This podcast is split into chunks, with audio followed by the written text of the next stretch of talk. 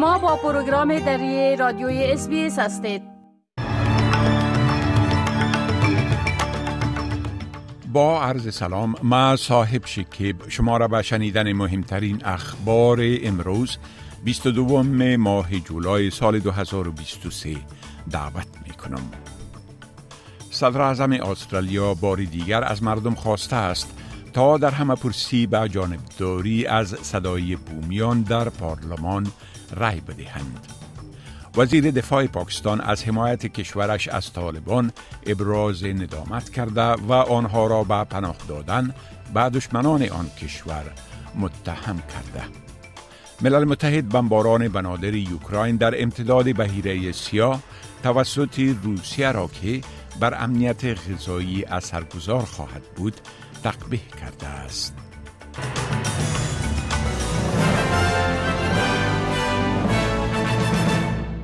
تفصیل اخبار انتونی البنیزی صدر اعظم استرالیا باری دیگر از مردم کشور خواسته تا در همه پرسی صدای بومیان رأی موافق بدهند تا صدای آنها به پارلمان برسد. آقای البنیزی در سخنرانی خود در کنفرانس کارگری در کمبرا گفت گروه های ورزشی مذهبی و غیر دولتی هم از این صدا حمایت می کنند. او از اتحادیه های کارگری و اعضای حزب کارگر خواسته است تا قبل از برگزاری همپرسی در رب آخر سال جاری با مبارزات خود برای جلب حمایت از صدای بومیان ادامه دهند.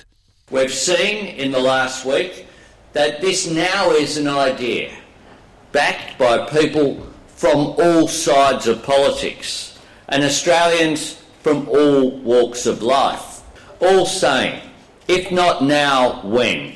All wanting to walk together on that path of reconciliation that is so important for this country. کشتی جنگی یو اس اس کمبرا در مراسم در سیدنی به نیروی بحری ایالات متحده افزوده شد.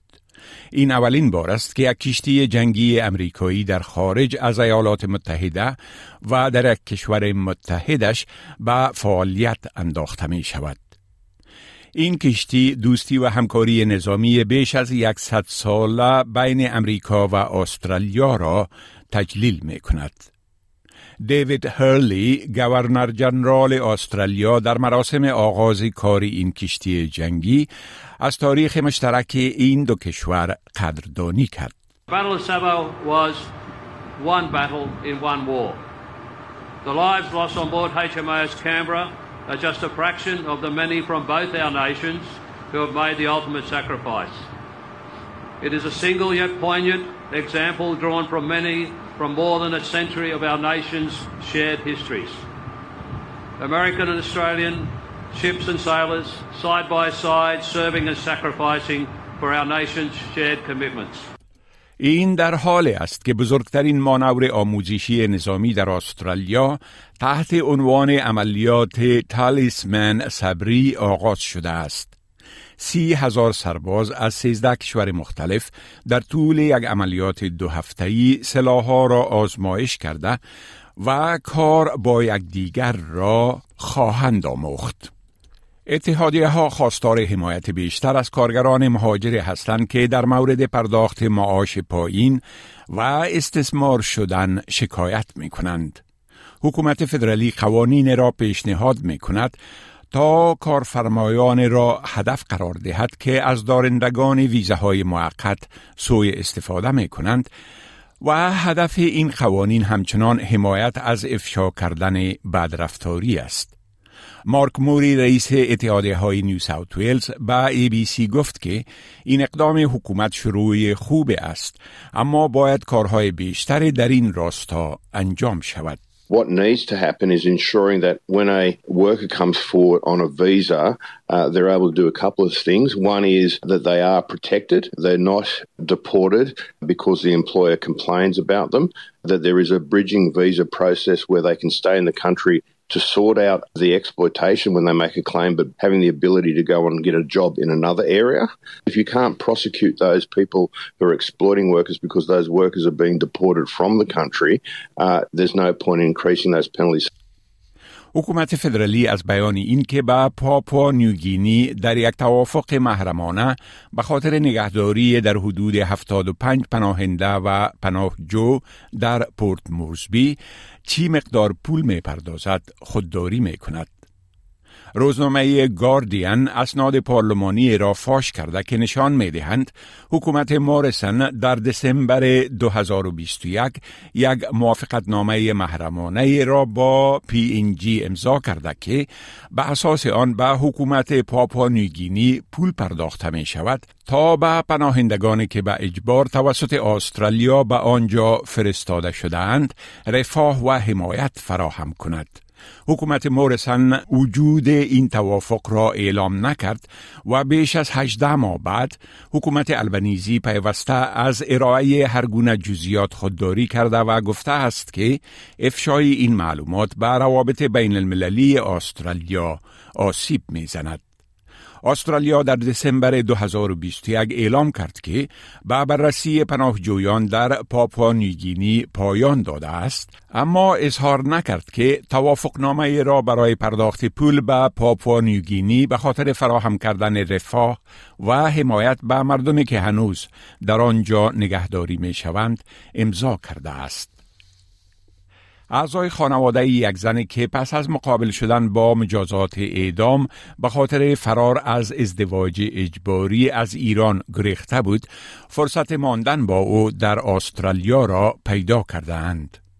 با وجود تصمیم اداره ارزیابی مهاجرت در مورد اخراج والدین و برادر این زن از استرالیا محکمه فدرالی حکم کرده که بر درخواست پناهندگی این سه نفر تجدید نظر شود این مرجع که نزدیک به یک دهه پیش توسط حکومت ائتلافی تانی ابت تأسیس شد وظیفه بررسی سریع تصمیمات در مورد ندادن ویزه حفاظتی توسط وزیر مهاجرت فدرالی را به عهده دارد.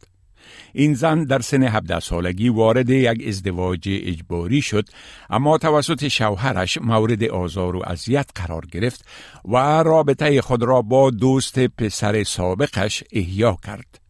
شوهرش که خانواده او با سپاه مقتدر و مرموز پاسداران ایران مرتبط است این دو تن را به پلیس گزارش داد و زن به جرم زنا که مجازات آن اعدام است متهم شد خواجه آصف وزیر دفاع پاکستان از حمایت کشورش از حکومت طالبان ابراز ندامت کرده و گفته است که مقامات نمی‌دانستند طالبان دشمنان آن کشور را در افغانستان پناه خواهند داد. آقای آصف بعد دنبال به قدرت رسیدن دوباره طالبان در افغانستان ابراز خوشحالی کرده و به طالبان تبریک گفته بود. او در مصاحبه با تلویزیون دان پاکستان گفت که حکومت طالبان افغانستان به تحریک طالبان پاکستان پناه داده و در یک سال گذشته یک تعداد از اعضای این تحریک در افغانستان کشته شدهاند. ولی حکومت طالبان همواره حمایت از طالبان پاکستانی را رد کرده و گفتند که به کسی اجازه نخواهند داد از خاک افغانستان علیه کشورهای دیگر استفاده کند. طبق یک گزارش صدای امریکا این وزیر دفاع پاکستان در جریان مذاکرات صلح ایالات متحده امریکا و گروه طالبان در دوحه با نشر تصویر از ملا عبدالغنی برادر و مایک پامپیو وزیر امور خارجه وقت امریکا در توییت نوشته بود که قوت با شما و خداوند با ماست. الله اکبر. روزمری دی کارلو مسئول امور سیاسی سازمان ملل متحد می گوید که بمباران بنادر یوکراین در امتداد به هیره سیا توسط روسیه می تواند اثرات گسترده بر امنیت غذای جهان داشته باشد. خانم دی کارلو حملات هوایی این هفته به بنادر در اودیسا، چورنومورسک و میکولایف را که باعث تخریب زیربناهای حیاتی و کشته یا زخمی شدن غیر نظامیان شد به شدت محکوم کرد. این عملات پس از آن انجام شدند که روسیه اعلام کرد که توافق معروف به ابتکار بهیره سیاه را که با میانجیگری سازمان ملل متحد انجام شده و ارسال غلات اوکراینی به بازارهای بین المللی را در زمان بلند رفتن قیم مواد غذایی در جهان و افزایش گرسنگی تسهیل کرده پایان می دهد. خانم دیکارلو می‌گوید که امکان دارد امنیت غذایی جهانی از یک درگیری احتمالی در بهیره سیاه متضرر شود. As we have repeatedly stated, attacks against civilian infrastructure may constitute a violation of international humanitarian law. Any risk of conflict spillover as a result of a military incident in the Black Sea, whether intentional or by accident, must be avoided at all costs, as this could result in potentially catastrophic consequences to us all.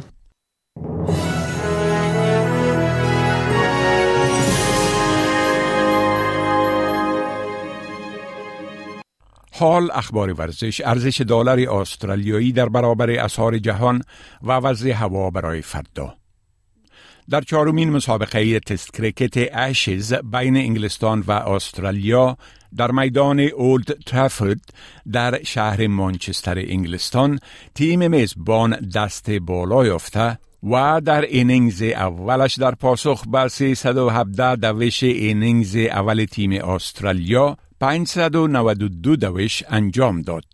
تیم استرالیا در روز سوم این مسابقه پنج روزه در حالی که با کسر 275 دوش در عقب قرار داشت با از دست دادن چهار بازیکن توانست صرف 113 دوش را تکمیل کند و هنوز به خاطر جلوگیری از شکست و آغاز به به دست آوردن برتری باید 162 دوش دیگر را انجام دهد.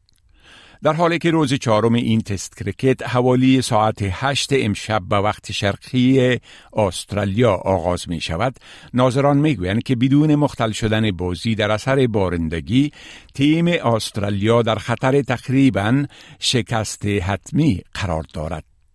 و اگر چنین شود هر دو تیم با بردن دو دو مسابقه این تورنمنت پنج مسابقه در وضعیت همسان قرار خواهند گرفت و مسابقه پنجم و آخری که بر روز 27 جولای آغاز می شود تعیین کننده خواهد شد.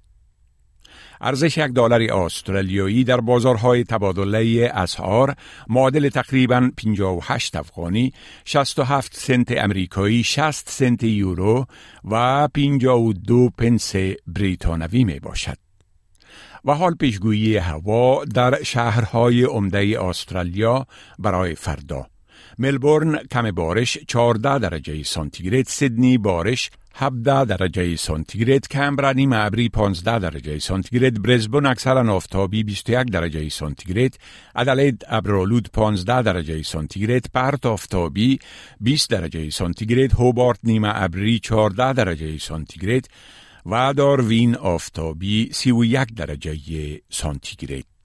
این بود تازه ترین اخبار از program دری رادیوی SBS